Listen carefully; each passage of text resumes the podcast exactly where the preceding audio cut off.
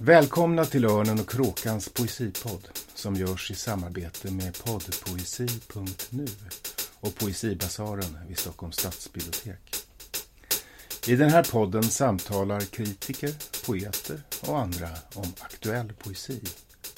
Och så läser vi dikter förstås.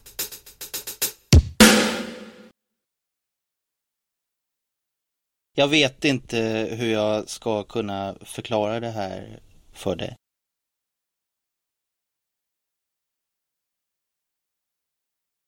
Det är något fel på mina ögon.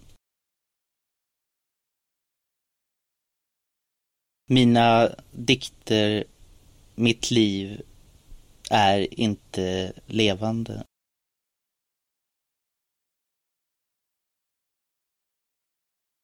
Jag längtar så efter en flicka. Men jag känner mig kall, tom, stängd utanför. Det har jag alltid gjort. Överallt. Alltid.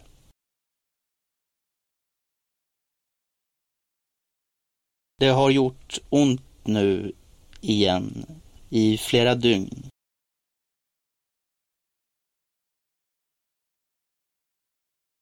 Jag hatar det här samhället. Den eh, rumänska situationen. Men det är klart att jag är trött, så det går väl bra. Det är en smärta som inte går att tala om. Jag sitter fast.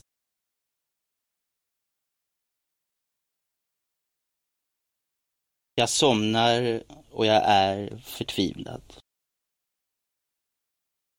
Jag började i förtvivlan och min förtvivlan fortsätter.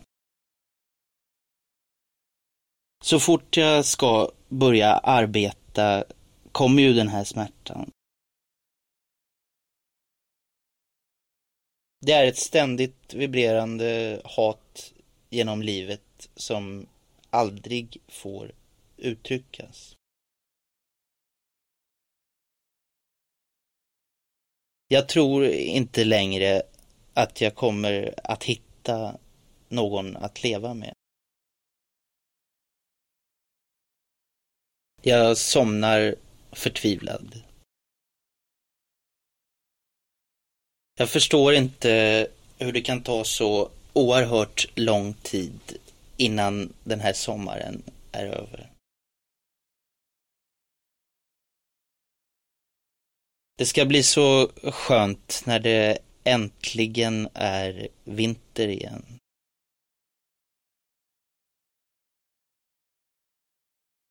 Vad är det för smärta som inte släpper?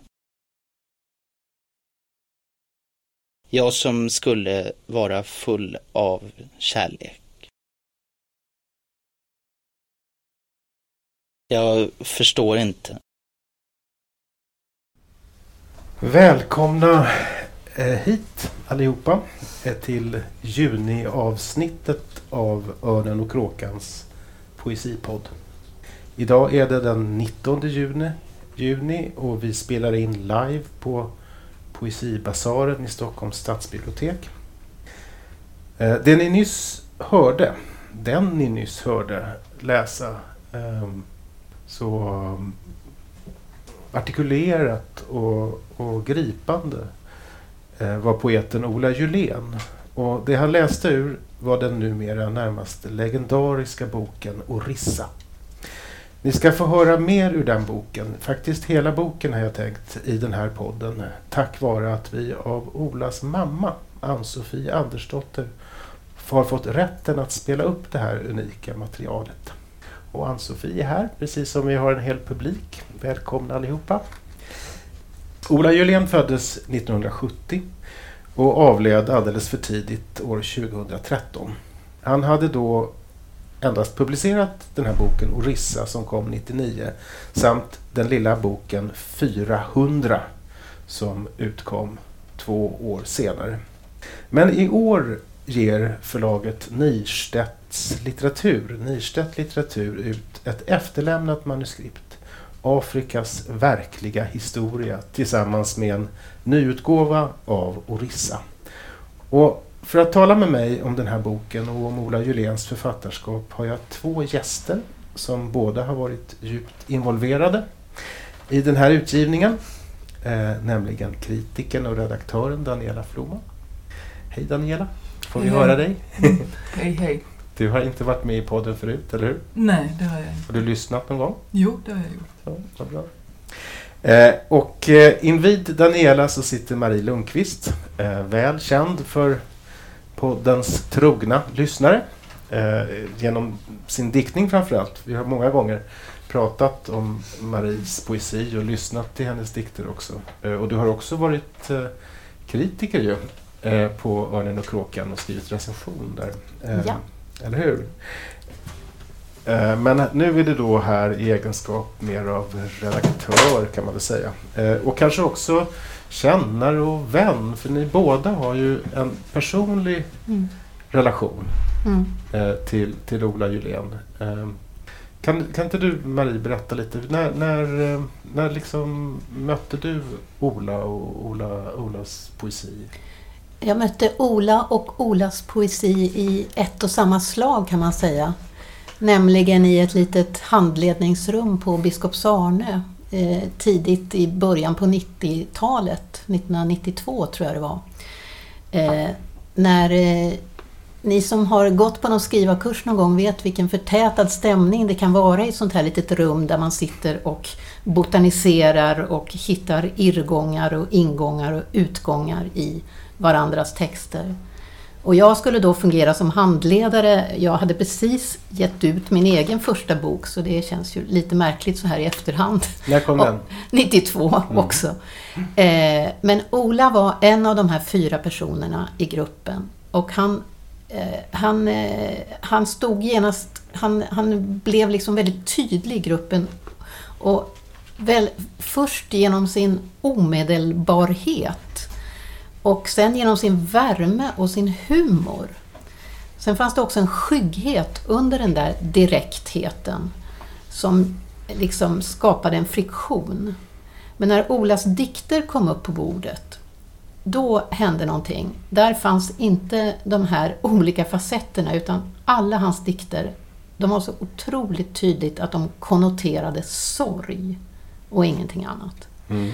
Eh, Jag tänker, hade, då hade väl Ola, eh, Ola Julén, eh, nu känner jag att jag tvekar mellan att säga för och efternamn. Egentligen tycker Mm. jag att, man, att jag åtminstone borde säga, eh, nämna Olas efternamn när jag pratar om honom. Vi får se om jag lyckas med det. Men eh, då hade ju Ola eh, Julén eh, gått innan på, på Jakobsbergs Mm. folkhögskola, eller Precis. hur? Så att han hade då, han hade ju ett, ett skrivande, långt skrivande bakom. Absolut, och jag uppfattade, det såg inte ut som i Orissa utan det var längre dikter. Alltså tonfallet fanns där men det var längre dikter, ofta eh, med ganska vardagliga motiv. Men det var alltid liksom en ensam betraktare som betraktade vardagen. Mm. Jag Mm. uppfattar dem som väldigt influerade av Noréns tidigare dikter. Som, Vad tänker du på då? 60-talsdikten? Ja, jag tänker på till exempel dagbok eller Mm, dagliga och 70-talet. nattliga dikter. Alltså Mm. den typen av Noréns tidiga dikter. Du då Daniela? Du var också vän med Ola, kände honom personligen.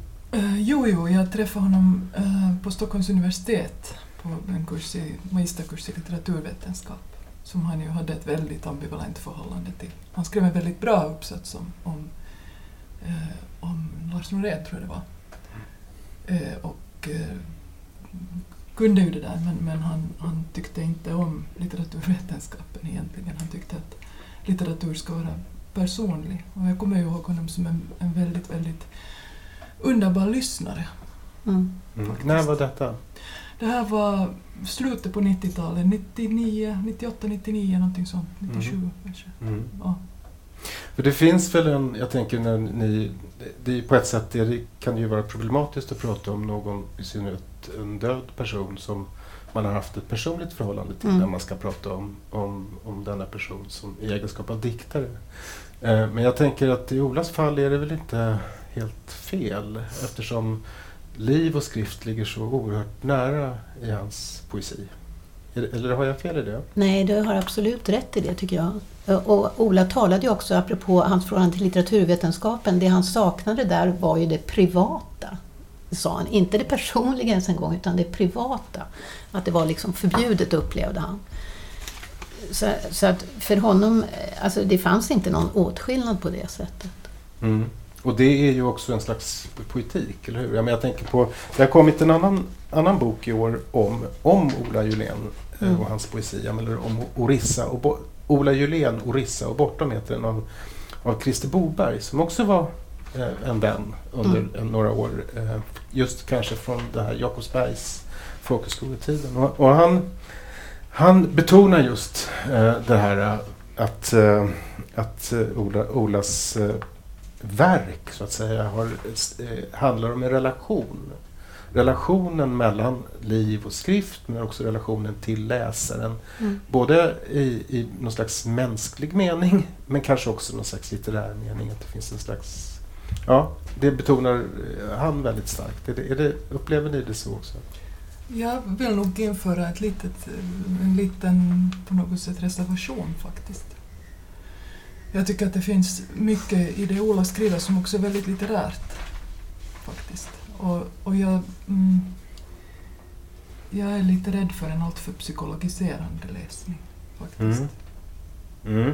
Men då pratar vi om, nu tänker jag kanske inte att eh, man kan ju tänka sig att man har en, en så att säga, biografisk litteraturhistorisk blick och det kanske inte är så aktuellt att liksom säga stämmer dikterna över med, överens med livet men däremot så syftade väl hans diktning till att eh, till eh, så att säga eh, till läsarens och kanske sitt, läsarens levande liv snarare än, än läsarens studium av, av, av texten. Är det inte så? Alltså det finns ju absolut ett ärlighetspatos. Men det finns ju en otrolig medvetenhet, tycker jag. Det hör man ju också på den här uppläsningen ur Orissa. Han vet exakt när han ska klippa. Eh, och, och, och, om jag tänker på någon som förekommer i nutiden som jag tycker har liksom båda delarna så tänker jag på Johan Jönsson till exempel. Mm. Som också kan vara djupt privat och samtidigt vara extremt eh, komplext litterär. Han har liksom dragit det där vidare. Jag tror Ola skulle ha intresserat sig för Johan Jönssons utveckling. Där finns det en förbindelse tycker jag, Mm, om Ola hade fått fortsätta. mm. Och den där associationen till Lars Norén är ju, Ja. är ju tydlig därvidlag. Och också andra eh, referenser. Jag tror vi ska, vi ska återkomma lite grann till Ola, Ola Juléns eh, litteraturhistoriska sammanhang och så tänkte jag och kanske hans eh, kontexter eh, på olika sätt. Eh, men ehm, jag ville eh, egentligen bara inledningsvis försöka liksom pejla det där med hur, hur, det hur, hur ni känner i den här situationen att prata om, om Olas... Ni är ju redaktörer, eller har ju suttit med det här materialet, vi ska återkomma till det också, men jag bara, bara så att lyssnarna också får en känsla för eh, vilka ni är i förhållande till Ola när ni pratar. Men, men ni kanske känner att ni har uttryckt det nu? Daniela, vad säger du? Ja, vad ska jag säga? Men jag tror nog att Ola inte var alls var omedveten om skriften som skrift och att det här kanske tanken att det får upprättas en, en autentisk relation i skriften tror jag han hade varit förhållit sig skeptisk till. Jag tror att han nog också visste att skriften är skrift och att den är, han är borta. Han är ju inte i den längre. Däremot så kan vi läsare uppleva någonting när vi upprepar det här. Mm. Det, Mm. det är någon slags kombination också tycker jag i Olas diktning som är både patos och samtidigt någon slags konceptuell eh, stilistik. Liksom. Och det Mm. tycker jag han är ganska ensam om, eller framförallt var han ensam om det då. Att det här patoset fick vara så tydligt men ändå hitta liksom en väldigt stark litterär form. Mm. Jo, för det är kanske det jag också tänker att han, om jag tänker på Ola så som jag minns honom så hade han ju en oerhörd integritet också. Mm, Det var ju absolut. inte så att han Mm. liksom Mm. Ja, vi, vi, eh, vi, ska lyssna lite igen på... Jag, jag, jag, ska bara citera det som, som jag tyckte var ganska bra som Christer Boberg skriver i sin bok. Eh, han skriver så här att gränsöverskridandet relation, den, eh, gränsöverskridandets relation mellan diktare, dikt och läsare på, på, pekar han på. Att relationen är verket och verket är relationen. Jag tycker att det där är, vi kan få anledning att återkomma till det. Eh, helt enkelt tror jag. Eh, när vi karaktäriserar det. Jag tycker ändå att det är, är också tydligt när man hör honom läsa. Vi ska höra när, en liten stund till när Ola eh, Julén läser ur Orissa. Fortsättningen på det vi hörde senast. Så här lät det. Varför är det ingen som vill ha mig? Det är sant. Min mamma har lämnat mig. Det är därför som jag vill dö. Jag förstår inte att det kan göra så ont. Jag har ingenting att säga.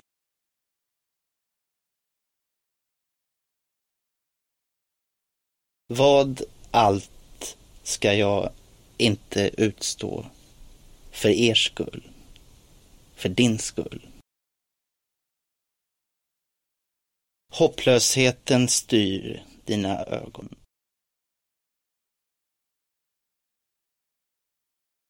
Jag vill att det ska vara på riktigt.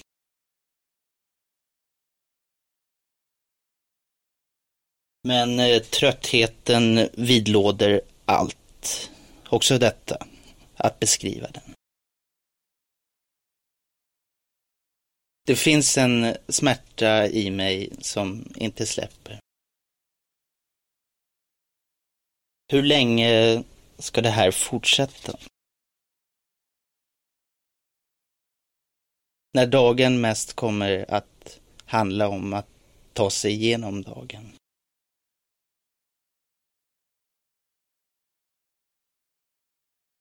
Varför är jag så ledsen? Jag längtar efter min pappa. Hur ska jag kunna leva med den här sorgen? Det finns någonting som gör att jag måste ta mig ifrån detta. Jag kan inte tänka. Jag är ett barn, jag är ditt barn, jag vill vara ditt barn. Det krävs inga ögon för dessa meddelanden.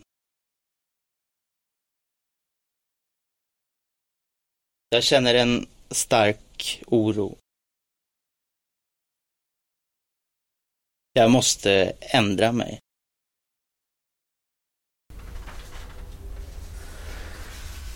Uh, ja, uh, det där uh, var då fortsättningen på Orissa. Och, och, för de lyssnare som inte känner till boken så står det ju då Eh, ibland är det en rad, ibland är det två, någon gång är det tre rader på, ensamma på en sida. Så att det, är väldigt, det ligger en väldig grafisk tyngd också på, på mm, sättningen, eller vad jag ska säga. Jag skulle vilja återkomma också, nu känner jag att det är mycket jag vill återkomma till, men jag skulle återkomma också till Olas eh, förhållandet mellan rösten, texten och också framförandet, mm. uppläsningens, det performativa som jag tror är viktigt. Men vi, vi, tar en annan väg först för att eh, det här var ju ur Orissa men eh, huvudskälet till att eh, vi sitter här idag och pratar om Ola Julén är ju den nya boken Afrikas verkliga historia. Eh, som finns i en dansk version från förut, eh, men annorlunda. Eh, eh, och som nu för första gången publiceras på svenska. Och det är ju ni två som eh, efter stor filologisk möda har satt samman det här manuset till en bok. Kan ni inte berätta lite om vad det är för material först? innan vi börjar prata om organisering. Så vad är det för slags dikter? Och vad, vad, vad, ja. Eh, alltså, jag, jag, skulle inte vilja säga att vi har satt samman det till en bok. Utan det fanns ju en kvarlämnad eh, diktsamling som Olas mamma fann bland Olas efterlämnade papper. Eh, och den är för det första mycket mer, hela det här manuset var ju mycket mer voluminöst än Orissa. Eh, 148 sidor och Orissa är väl på hälften ungefär. Eh, och det finns ett tonfall, det kände man direkt när vi tittade på det, som är på något sätt Olas omisskännliga tonfall. Men det är också, hela samlingen är ju mycket mer splittrad formmässigt. Det finns långa dikter, det finns väldigt korta utsagor som kan påminna om Orissa. Eh, det finns ett väldigt starkt tilltal, inte till läsaren direkt utan till en person, en kvinna som återkommer. En nedbrytande kärlekshistoria med en person som bär namnet Jacqueline, som jag är övertygad om är ett eh, autentiskt namn och som också liksom färgar den här boken därför att det återkommer med jämna mellanrum. Eh, det, är en mycket, det är en mycket råare sexualitet än i Orissa. Det är också någonting som Ola har sagt att han har velat vid flera intervjuer. Han är liksom, jag intresserar mig nu för människans njurar. Det är ett sånt där uttryck som jag tror han hade med sig när han arbetade med det här manuset. Eh, det, det, finns en massa platsangivelser och olika namn, typ Lars Winnerbäck, alltså namn som liksom förekommer i den svenska offentligheten som kommer in på ett chockerande sätt i Olas diktning i den här boken. Så på det sättet är den ganska olika. Mm. Och när ungefär är den skriven? Ja, det kan vi inte riktigt veta. Vi, vi, tror ju då att den är skriven, den var ju planerad för utgivning våren 2004 eh, och eh, vi tror ju då att det är det manuset vi har så att säga stött på. Mm. Att det, det var ett manus som han drog tillbaka? Han drog tillbaka det, han hade, han hade precis, han, han, han hade fått det antaget på Norstedts. Mm. Eh, och eh, jag kommer då själv ihåg att han, han hade en mindre konflikt kan man säga med, med förlaget och drog tillbaka alltsammans. Mm. Och, eh, och tänkte väl då arbeta om det. Mm. Och då, I det manus vi fick så är det, om, det är omarbetat. Det finns en hel del anteckningar. En del anteckningar som inte heller är skrivna av honom själv, så att vi vet inte riktigt. Det är väldigt mm. svårt att veta vad de har för status. Och så, mm. finns det, så är det omsorterat. Mm. Det har ju som sagt kommit ut uh, i en dansk version.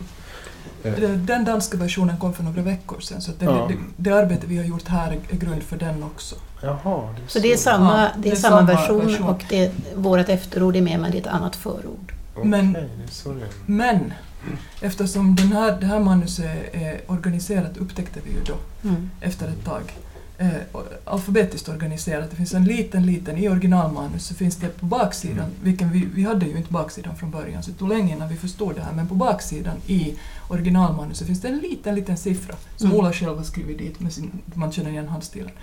Och om man sorterar den bunten efter den lilla, lilla siffran på baksidan så får man en totalt alfabetisk organisering på det hela. Och det var ju, då insåg vi att vi det hade något som var färdigt. Det var en chock. Då fick, ja. då fick man en struktur som var helt annorlunda än vad vi hade föreställt oss. Ja. Mm. Det var något helt nytt. Och det här har dans, den danska eh, översättningen då efterliknat på det sättet att de har i översättningen organiserat dikten alfabetiskt. Mm. Ja. Och det gör, det gör det eftersom danskan och svenskan, alfabetet överensstämmer inte alltid. Nej, så nej, det börjar med en helt därför. annan dikt än i den svenska till mm, exempel. Mm, vilket ju ger en annan läsart. Eh, just det. Nej, jag tänker när jag läser de här dikterna att en sak som ju har förändrats uppenbarligen det är ju att det är en att han ju i någon mening är en mycket mer självklar eller poet. Alltså han, har, han, har, han har mött en publik och han har fått en, han har fått en publik och han har fått en slags eh, respons. Och, mm. och, att det, det starkt präglar eh, dikterna också, deras expansion. Det finns en starkare poetologisk eh, så att säga, att, att Eh, önskan att vilja skriva någonting. Att, mm. liksom, att gripa in i det poetiska, det poetiska fältet kanske eller så. Tycker jag starkare i det här manuset. Eller vad tycker ni? Ja, den alfabetiska organiseringen är ju ett, ett, ett väl beprövat mm. liksom, poetiskt grepp, renässanssak. Mm. Och rader som han, det finns ju något magnifikt med den här diktsamlingen också, som ju är definitivt en, en, en poet som talar i ett poetiskt universum också. Mm. Att beskriva vintern, en sån rad. Mm. Jo, den är, alltså, eh, eh, Orissa är ju liksom de här väldigt rena existentiella utsagorna som är på något sätt lätta för vem som helst att identifiera sig med. Det här är ju modigare på ett sätt därför att det är mer, det är mer just privat fast ändå mer litterärt. Liksom. Mm. Vill, ni, vill ni läsa något exempel? Jag kan läsa några, jag bara tar någonting här ur.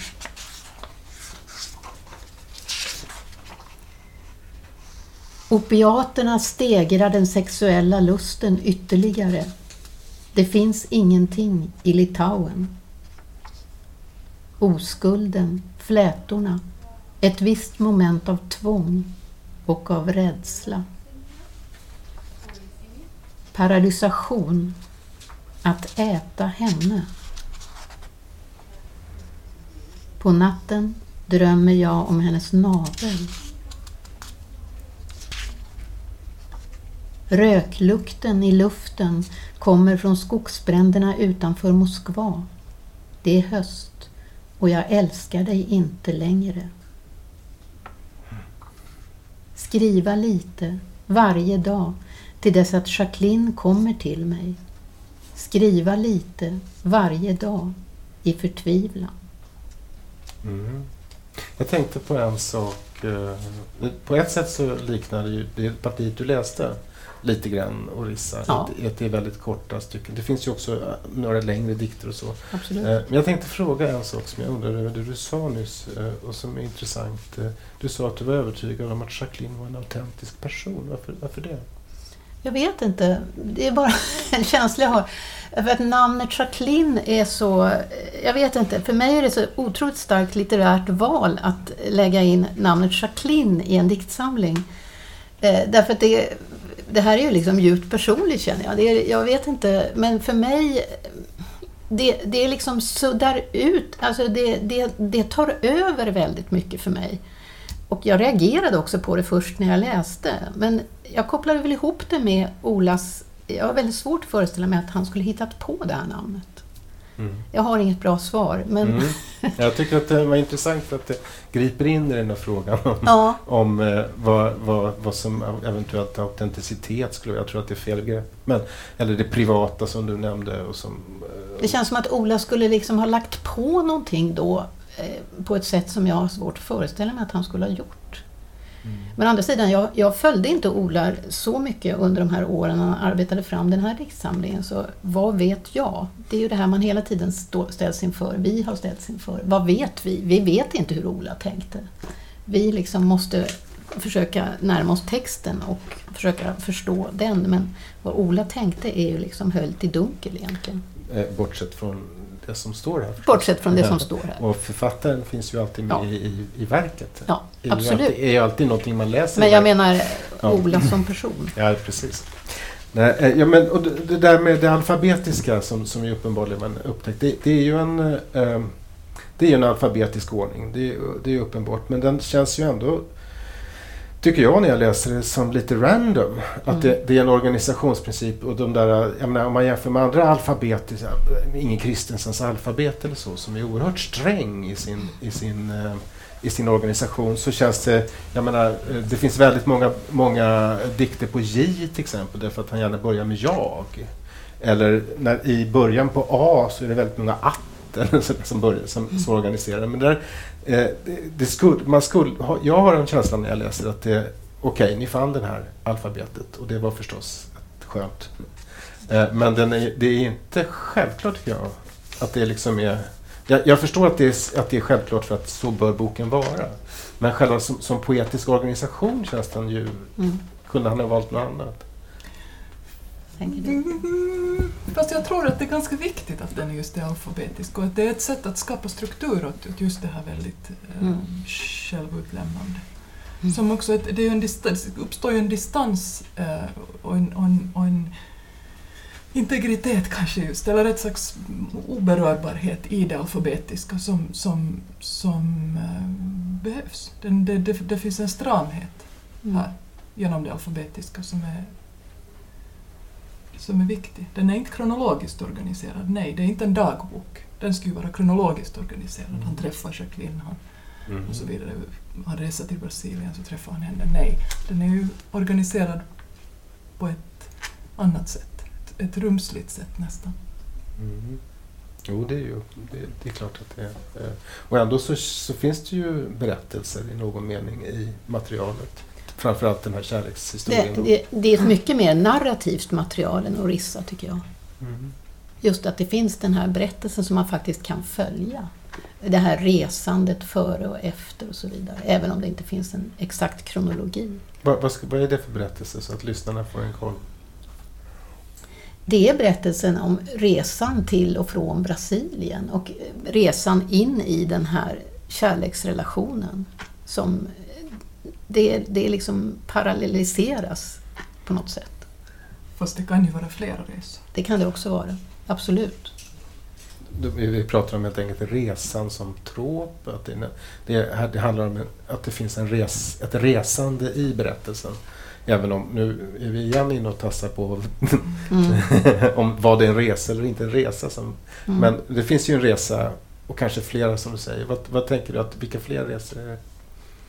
När han kan ha rest flera gånger, det handlar ju om längtan. Han, han, han, Mm. Det är ju ett avstånd som, han, som, han har, som, som mycket av dikterna handlar om. Han är ju inte särskilt, det är ju ganska få dikter där han är i, i just i, i Brasilien som det här då när en del av de här kärleksdikterna då utspelar sig i.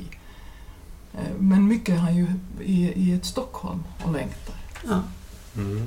Och längtar också till den älskade i Brasilien. Absolut, det finns ganska få sekvenser egentligen där, själva, där det finns ett möte mellan de två älskande personerna. Det finns ett under, en underbar längre text som är väldigt barnslig. Som är, är nästan sådär som man får rodnar. Där, det är liksom olika såna ord som man kan ha tillsammans med sin älskare och skoja liksom. De faller också på något sätt ur bilden. Men då återigen så kan man återvända till den här alfabetiska formen som ändå tillåter den där sortens utsvävningar. Mm. Mm.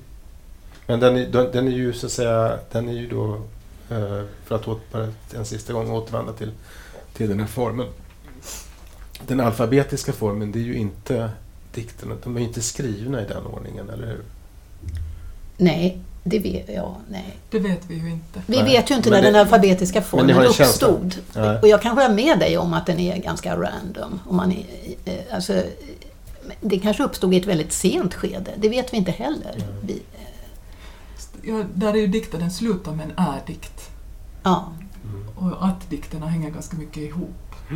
Och så Mm. vidare. Så att Och så finns det några bokstäver som inte har några dikter. Ja. Ö till exempel. så, Ja, Exakt. precis. Och så ska man ju komma ihåg att det han hade gjort då efter 2004, 2005 när han tog upp det här, är ju, var ju att organisera om den här bunten. Mm. Och det, det har vi ju sett spår av, då, den här om, omorganiseringen. Mm.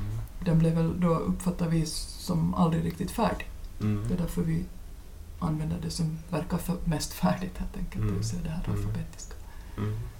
Jag tänker, eh, Marie, du sa att eh, apropå Orissa, eller apropå egentligen att Ola var i din handledningsgrupp när du undervisade på Biskopsarne, så sa du att eh, det han skrev om var sorg. Mm. Han skrev inte om sorg Nej, tycker jag. Men alltså, dikterna var på något sätt så övergivna. Det var någonting...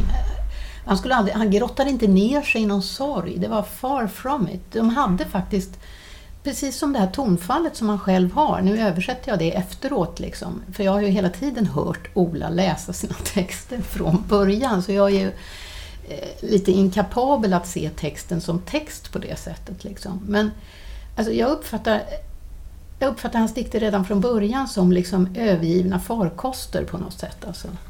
Det är det Mm. som jag menar med konnoterar sorg för mig. Men jag tänker på, och Daniela, du, du talade om, om eh, den, ny- den, det här senare manuset eller boken om, som att, att, den ut, att du talade om det i termer av längtan.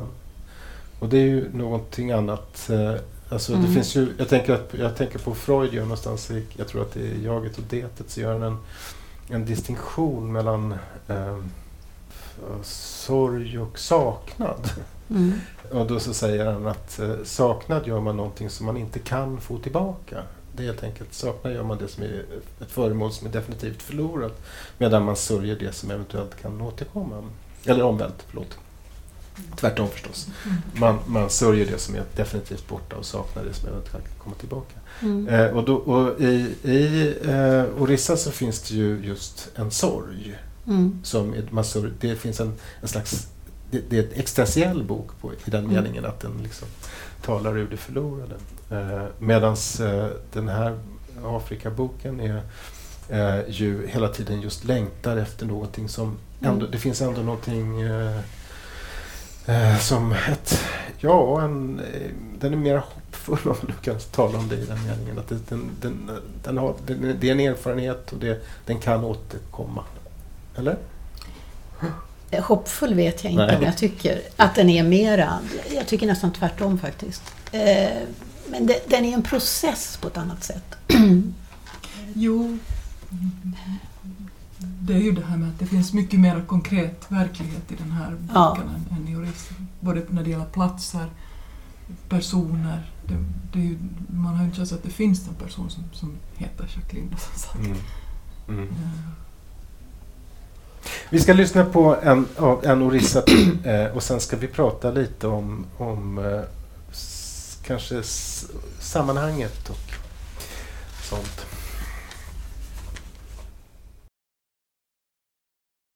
Men jag bryts sönder under detta. Det är en smärta som förintar ansiktet. Det är en smärta som gör ansiktet tydligt. Varför ska jag alltid vara den som längtar? Nej, jag litar inte på någon.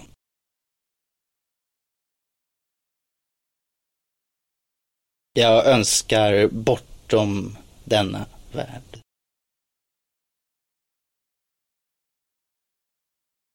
Jag har längtat så länge efter hösten och nu är det höst. Om det som verkligen sysselsätter mig talar jag inte med någon.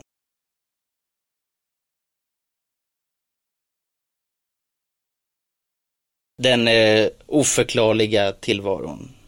Hänsynslösheten.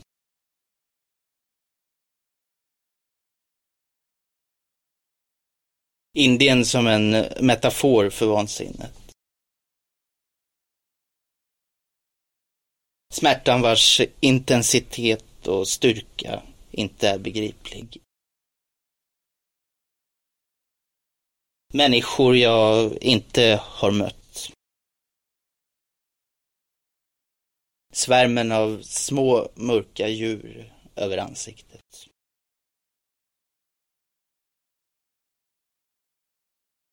Jag fortsätter att vara stilla.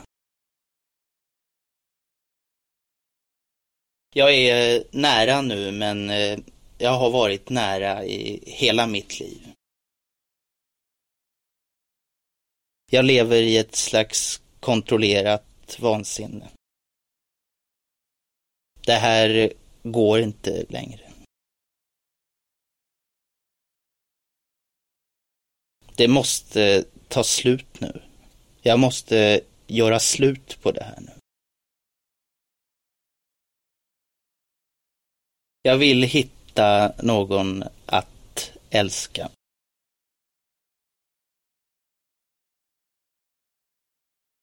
Det är denna absoluta vägran att ta emot som jag måste överskrida.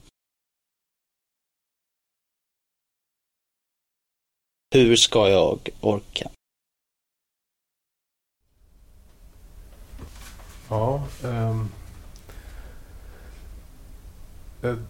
det finns ju i Or- Orissa en ehm, väldigt stark redu- reduktion eh, som ju förändrar sig lite senare. Att den här eh, reduktionens poetik.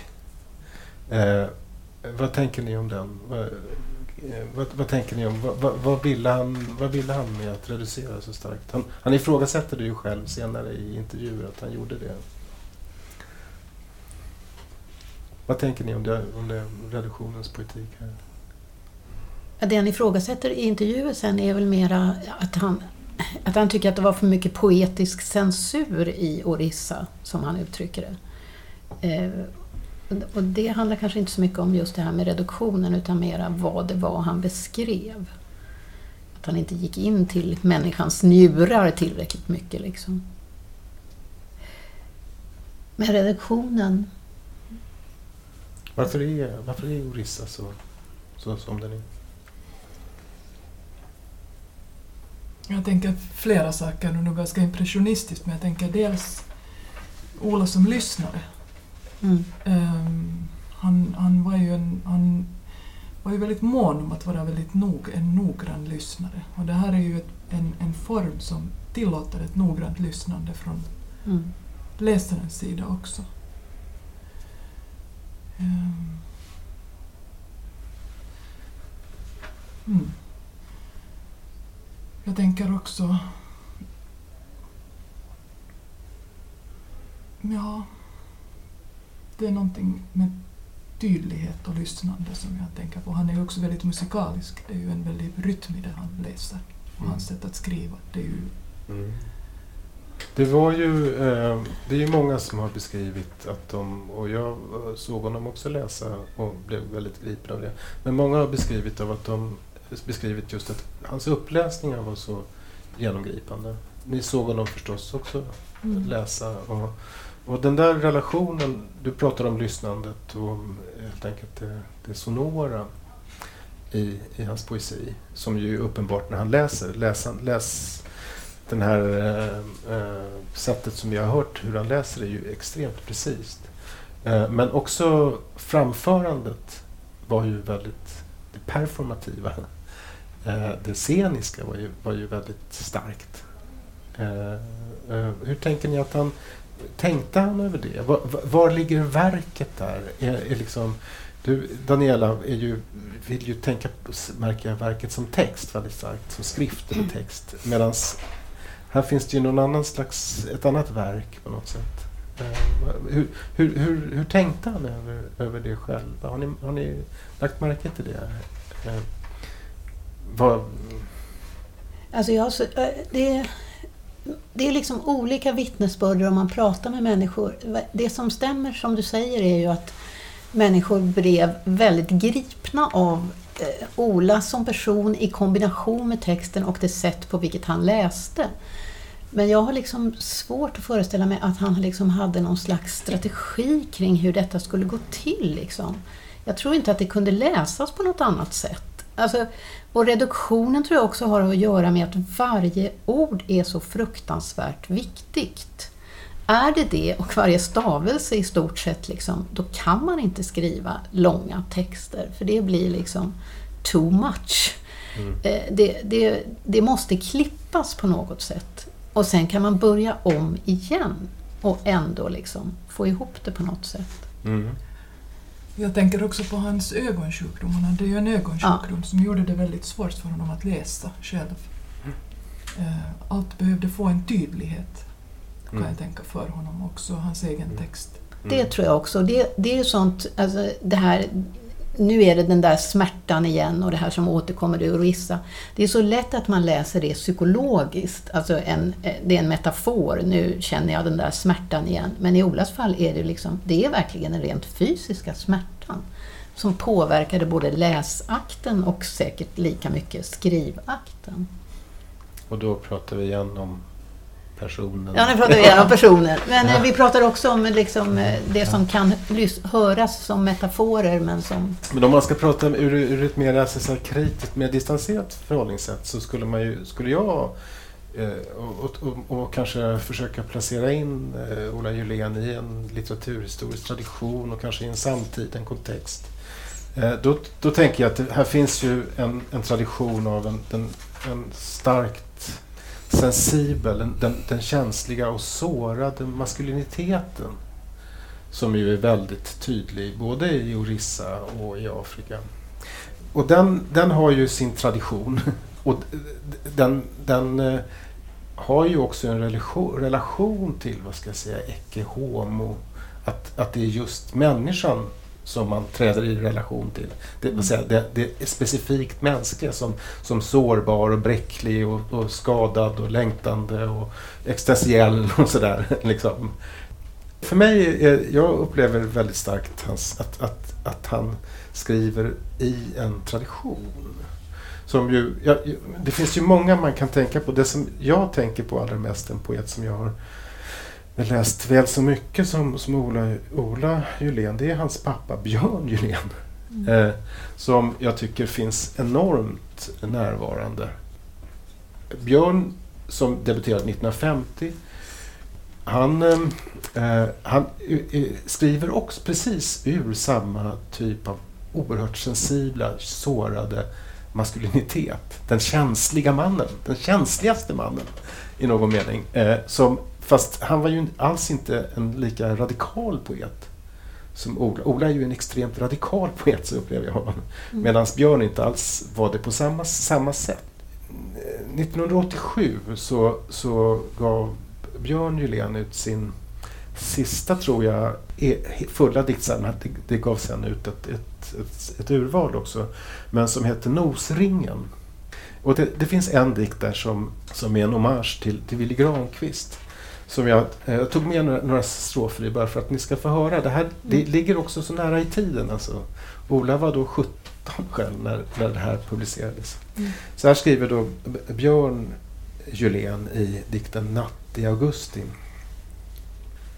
De mörka skuggornas kvällar, augustisvarta nätter utan en måne. Vilket brådmörker fanns i dina sorgsna ögon. Pupillen med tunnlar mot fasan.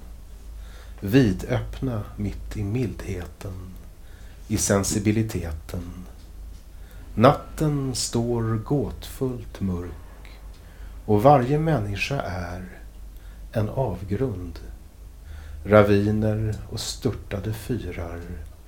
Den lilla handen i den stora handen och allting vilset och intet. Att det finns en affinitet, eller att, eller att där finns någonting som är... Det, det, det är ju naturligtvis alltid känsligt att prata om, om, om barn och deras föräldrar i, i, i de här termerna, men, men för mig så står det fram som en, en väldigt stark relation också, i kontext i, i Olas, Olas poesi. Annars så nämner man ju ofta, många, Christer Boberg till exempel, han nämner Lars Norén förstås, som jag har gjort, och Gunnar Eklöf, Stig Larsson mm. till exempel. Hur, hur, tänker, hur placerar ni in Ola Julén? Alltså jag tror både Stig, Stig Larsson och Ola Norén eller vad säger jag? Stig. Eh, Stig Larsson och Lars Norén. Eh, för Ola var det kanske lika mycket eh, deras texter som deras, liksom, det sätt på vilket de framställdes i den litterära världen som två författare som liksom levde sina texter på något sätt.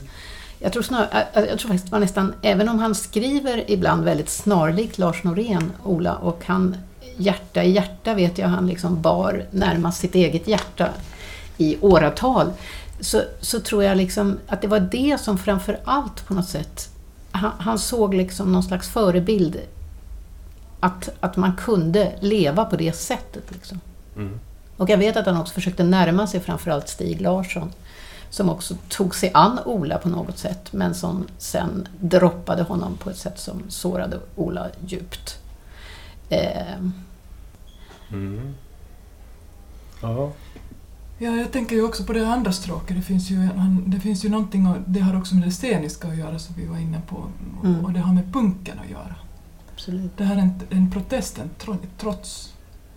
Uh, och han, det, Mikael Strunge, den danska poeten, uh, förekommer ju i det här manuset, tror jag. Ja, mm. kanske inte öppet, men, men, men han gjorde ja, också en resa till, ja, precis, till Brasilien. Mm. Och jag vet att han, han läste honom och han beundrade honom och han, Joe Strum, Strummer, mm. Clash-gitarristen Clash och så vidare. Det finns liksom ett, en direkthet och en, och en ovilja mot precis det här Björn Julenska centrallyriska eh, Mm. formen Mm. som ju kommer fram också i den här diktsamlingen. Men kanske någonting av grundförutsättningarna. Det kan ju hända att någonting av incitamenten för att skriva är, faktiskt är, är, är likadana eller liknar varandra. Det är mycket möjligt. Mm. Jag, tänker, jag tänker förstås på, det, på, på surrealismen. Och den här, jag upplever det som jättestarkt, den här ehm, vad ska jag säga, biografiska i stri, mer strikt mening. Eh, tanken att bios liv och grafin, skrift, att, att eh, livet, eh, livet kan skrivas och skriften kan levas. Som ju är en väldigt, väldigt stark tradition under 1900-talet. Eh, eh, jag tänker på den ur, urgrunden i någon mening är ju, är ju Verlaine och, och poet Modi, den fördömda poeten, poeten som helt enkelt le, eh, måste leva det radikal, livet radikalt för att det är den enda möjligheten att kunna, man måste skriva ur livet och det måste ske radikalt. Och under efterkrigstiden så, det finns ju, Lars Norén är väl ett exempel, så finns det, ju- är det ju framförallt skulle jag vilja säga några kvinnliga poeter som jag, jag tänker på Anne Sexton till exempel eller, eller Sylvia Plath eller, eller Alejandra Pizarnik som är ju väldigt, väldigt starkt eh, eh också tänker sig att, att eh, verket är någonting, verket syftar till läsarens liv, inte till hennes förstånd eller läsning. Utan, eh, dikten måste också för, lä, för så att säga, läsaren levas. Och den där relationen är ju, tycker jag, väldigt, väldigt starkt i, i, påtaglig i, i Ola, Ola Juléns eh, poesi. Men sen tänker jag också att det finns ju i hans eh, 90-tal i, eh, ni har inte, I den här nya boken som kommer ut nu så, så har, är, är ju sexualiteten väldigt stark. Mm. Det finns, en, det finns en, en, ett intresse för perversionen kanske rent av. Mm. Eh, som han ju på ett sätt delar med flera andra 90-tals... Eh, jag tänker på, utan alla andra jämförelser, Teratologen till exempel eller, eller Stig Zetterbacken i, i, i, i Norge. Att, att liksom så att säga att osensurerat skriva. Också kanske ett förhållande till psykoanalysen och, och det där. Som eh, man kan tänka på Åseberg kanske lite, det där intresset för surrealismen som var en, en, en del av den nordiska 90-tals 90-talspoesin. Eh, sådär. Eh. Ja, jag tycker det är intressant, en intressant tanke för han, han, han, han, han är ju, skriver ju också han använder ju också, det gör han i den här boken väldigt viss mån, framförallt i de här vandardikterna som kom i Kristianstad Kristianstadsbladet um, under, under några år. Berätta, vad är det för dikter? Det, han gav ut var det fyra, fem dikter i Kristianstadsbladet som en, de hade en satsning där de hade en, en dikt per vecka, tror jag det var, eller per månad eller något sånt. Eh, eh, och de är ju ganska olika, både det här manuset, Afrikas, och väldigt olika Orissa. Mm. Och där använder han eh, Rwanda som ett slags metafor för sitt eget lidande. Och det här är liksom metaforer och bilder som läcker, som blöder, han vet det. Mm. Och, Mm. och det är ju någonting med surreal, den där kop, det här som du gör den här kopplingen till surrealismen, är ju någonting intressant med, med bilder som blöder, som läcker, som inte funkar Mm. Mm. eh, egentligen, men som han ändå använder som är väldigt starka. Han Mm. använder då, jämför då sitt eget lidande, så att säga, eller, eller använder Rwanda för att beskriva sitt eget Folkmordet i Folkmordet Rwanda. i Rwanda. Mm. Det är ju... Det är ju Mm. mm, Alltså han var ju tidigt ute också. Det är ju den diskussionen vi för idag. Det här att man eh, profiterar på andras lidande och är det möjligt att göra det och får man göra det och så vidare. Mm. Alltså på det sättet, det är återigen ett bevis på att Ola var väldigt litterärt medveten. Ja, det är ju Mm. uppenbart. Men jag tänker, där finns det, ju, det finns ett intressant förhållande till... Eh, I Orissa är det Indien.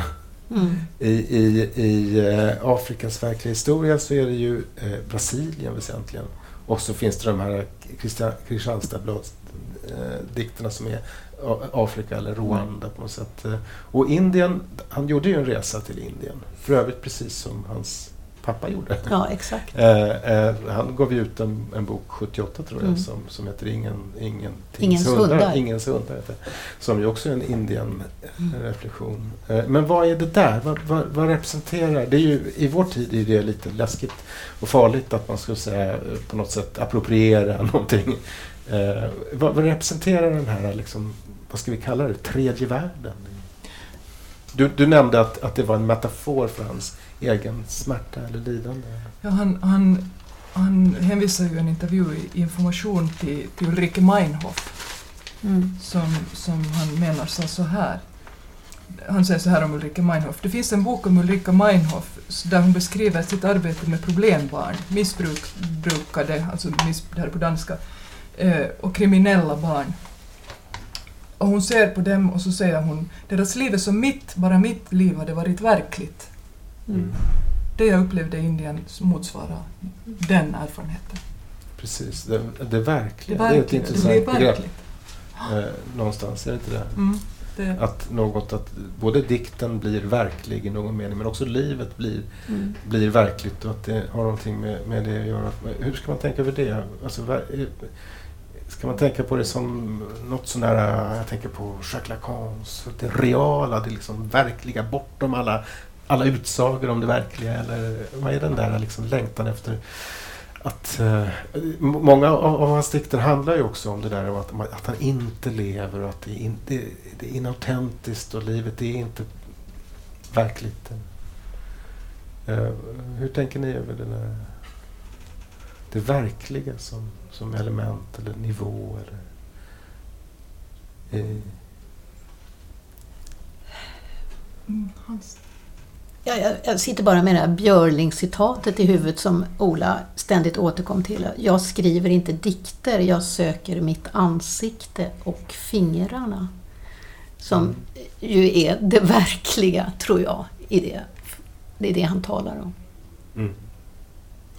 Och där tycker jag just att, att, att man kan inte riktigt kanske, och det har ju att göra med, med, med vad han upprättar för kontrakt med läsaren också. Jag tror inte att det egentligen är ömsesidigt riktigt på det psykologiserande sätt som kanske ibland antyds. Eh, Nej. Jag tror inte en relation man upprättar med honom. Man, man, man, gör någonting verkligt när man läser honom. Just det.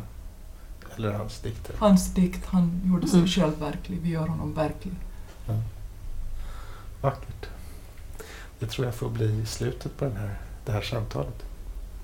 För tiden har helt enkelt eh, gått. Och det här är då den sista podden för sommaren av Örnen och Kråkan. Vi kommer tillbaka i september. Jag vill tacka Daniela, tack Marie och tack också Ann-Sofie för att vi fick spela upp de här texterna, de här inläsningarna. Eh, nu gör vi som sagt var ett sommaruppehåll på Örnen och Kråkan. Men alla poddarna finns att lyssna på till sajt, på sajten. Alla som vi någonsin har gjort på www.ornenochkrakan.se. Eh, Och vi ska avsluta den här podden med att lyssna på den sista fjärdedelen av inspelningen av Orissa. Eh, Tack ska ni ha. Tack.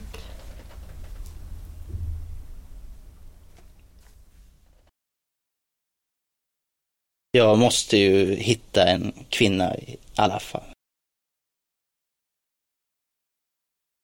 Allt längre stunder av lycka tack vare dig.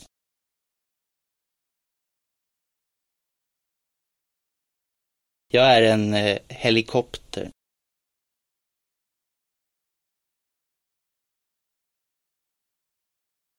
Jag närmar mig dig seriellt.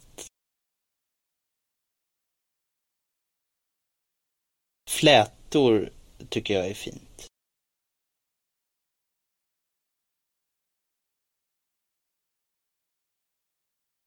Jag älskar när du gör det långsamt med mig. Jag längtar tillbaka till Indien. När jag äntligen ser en smärta som svarar. Det är ju ändå så att jag älskar dig.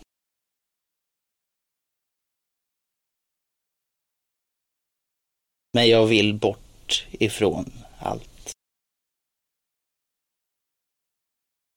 Nu kommer jag inte längre ihåg hur du ser ut.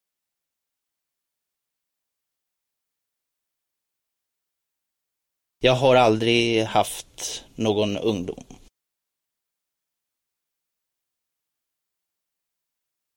Jag vill ingenting.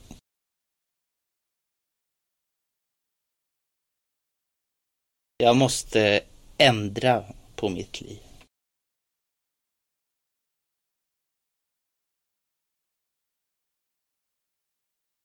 Det finns ingen frihet i detta.